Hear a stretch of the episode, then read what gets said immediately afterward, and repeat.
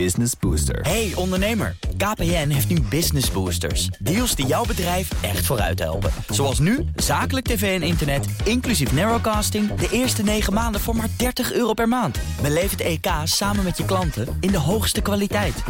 Kijk op kpn.com slash businessbooster. Business Booster. Dit is de Oekraïne Ochtend Update. Mijn naam is Geert-Jan Haan. En ik ben Bernard Hammelburg. We praten hierbij over de laatste ontwikkelingen in Oekraïne. En de gevolgen voor en de reacties van de buitenwereld. Je vindt deze podcast in je favoriete podcast-app. Het lang verwachte tegenoffensief van de Oekraïners dreigt te mislukken. Tenminste houdt de regering van de Amerikaanse president Biden rekening mee. Meldt nieuwssite Politico. We gaan erover praten met onze buitenlandcommentator Bernard Hammelburg. Bernard, goedemorgen. Goedemorgen Bas. Ja, Politico tekent dit op. Welke zorgen zouden er zijn zo om de kringen van de president? Nou, op de eerste even de techniek. Eh, iedereen ziet klaarblijkelijk dat um, Rusland zich aan het ingraven is langs het front op een aantal posities. Dus duidelijk toch wel degelijk dat offensief verwacht. Mhm. De Amerikanen hebben uh, ja, een soort van garantie gegeven, wat er ook gebeurt. Wij helpen Oekraïne door dat offensief heen en ook verder. Maar Ehm, Biden krijgt steeds meer signalen van zijn eigen staf van we moeten er rekening mee houden dat het niet lukt. Hm. dat dat uh, offensief mislukt of niet helemaal lukt. En dan kun je zeggen, ja dat is reuze sneu voor uh, Oekraïne. Maar Ehm, dat heeft in de binnenlandse politiek in Amerika nog wat gevolgen. Hè? Want die steun die Biden tot nu toe steeds heeft gekregen, eigenlijk bij beide partijen, die dreigt in te zakken. En vooral aan de republikeinse kant. En als er dus een soort van mislukking komt, dan vreest uh, nou ja, vrezen de adviseurs van Biden dat er daar een enorme terugslag door komt, vooral in het Huis van Afgevaardigden, hmm. dat in meerderheid republikeins is. En dan zal zeggen, ja, dan moeten we toch misschien uh, het roer een beetje omgooien. En dat heeft weer gevolgen, hmm. schrijft Politico, ook voor de houding van de Europese landen. Want die zullen zeggen, ja, als Amerika begint terug te krabbelen, dan, moeten wij, toch meer gaan denken in de richting van bestandsonderhandelingen dan van het leveren van wapens. Dus uh, een, een op zichzelf in een oorlog niet zo enorm uh, grote gebeurtenis als hoe nou precies een offensief verloopt, kan enorme gevolgen hebben. Ja, toch eventjes, eh, Bernard, als ik mag, want we, kennen het al, hè, de Pentagon Papers die uitgelekt zijn. Uh, er komen nog steeds meer documenten in het, in het nieuws zou het ook nog zo kunnen zijn? Ik had er gisteren toevallig over met, uh, met Patrick Bolder, analist van het HCSS. Die zegt, ja, dit kan ook, hè, dat eerste dingetje wat we nu zien, het oversteken van het Jepper.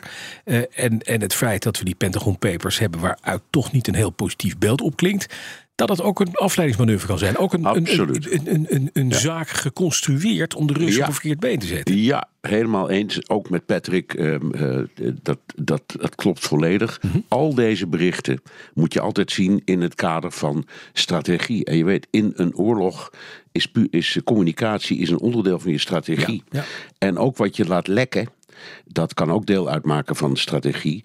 Dus dit wat sombere beeld dat de Amerikanen nu klaarblijkelijk laten lekken.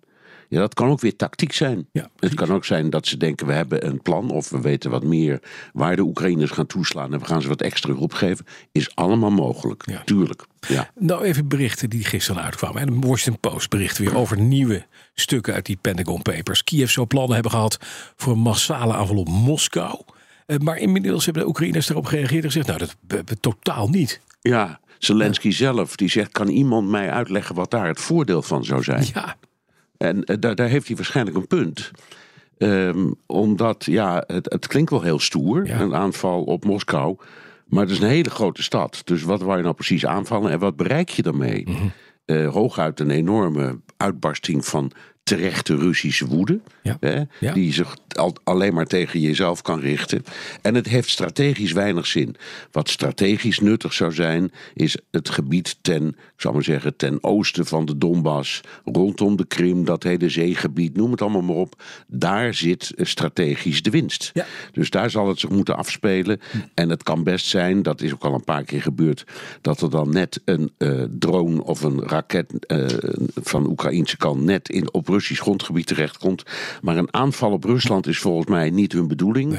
En heeft ook geen enkele zin. Het levert niets op. Nee, precies. Eventjes nog naar die EU-buitenlandministers, want die ontmoeten elkaar in Brussel. Je zei het al eventjes, ja, straks is misschien het verhaal als de Amerikanen zich langzaam terugtrekken. Wat doet de EU dan? Gaan we dan inzetten op onderhandelingen? Gaat dan in precies die Donbass uh, en de Krim wellicht uh, uh, als onderhandelingsmateriaal ingevoerd worden? Maar zover zijn we nog niet. Ze komen vandaag bij elkaar in Brussel.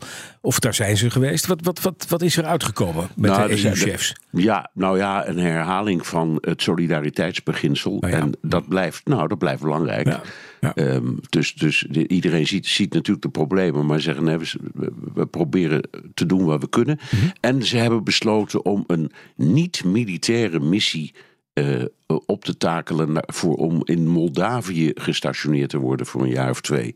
En dan kun je je afvragen, ja, wat is dat dan? Ja. Nou, dat zouden dan vooral cyber-experts zijn en adviseurs en van alles en nog wat.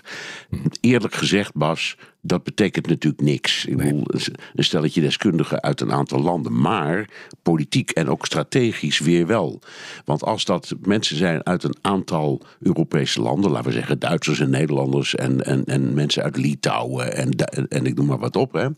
En er zou een aanval komen van Rusland op Moldavië, dan zou dat ook een aanval eh, worden op burgers uit al die landen Ja. van de EU. Ja. Waardoor in elk geval moreel of misschien zelfs wel juridisch het argument kan worden gebruikt van pas even, even op, jullie doen nu een aanval op de EU. Ehm, dus dit, dit, dit is een puur politiek eh, eh, dingetje. Het is eh, het verschuiven van een loper op het schaakbord. Hm.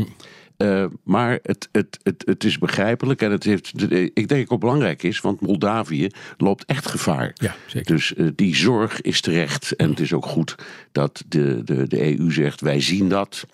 Ehm, en eh, we, komen niet met, we komen niet meteen met een, eh, met een mogelijk EU-lidmaatschap eh, daarheen.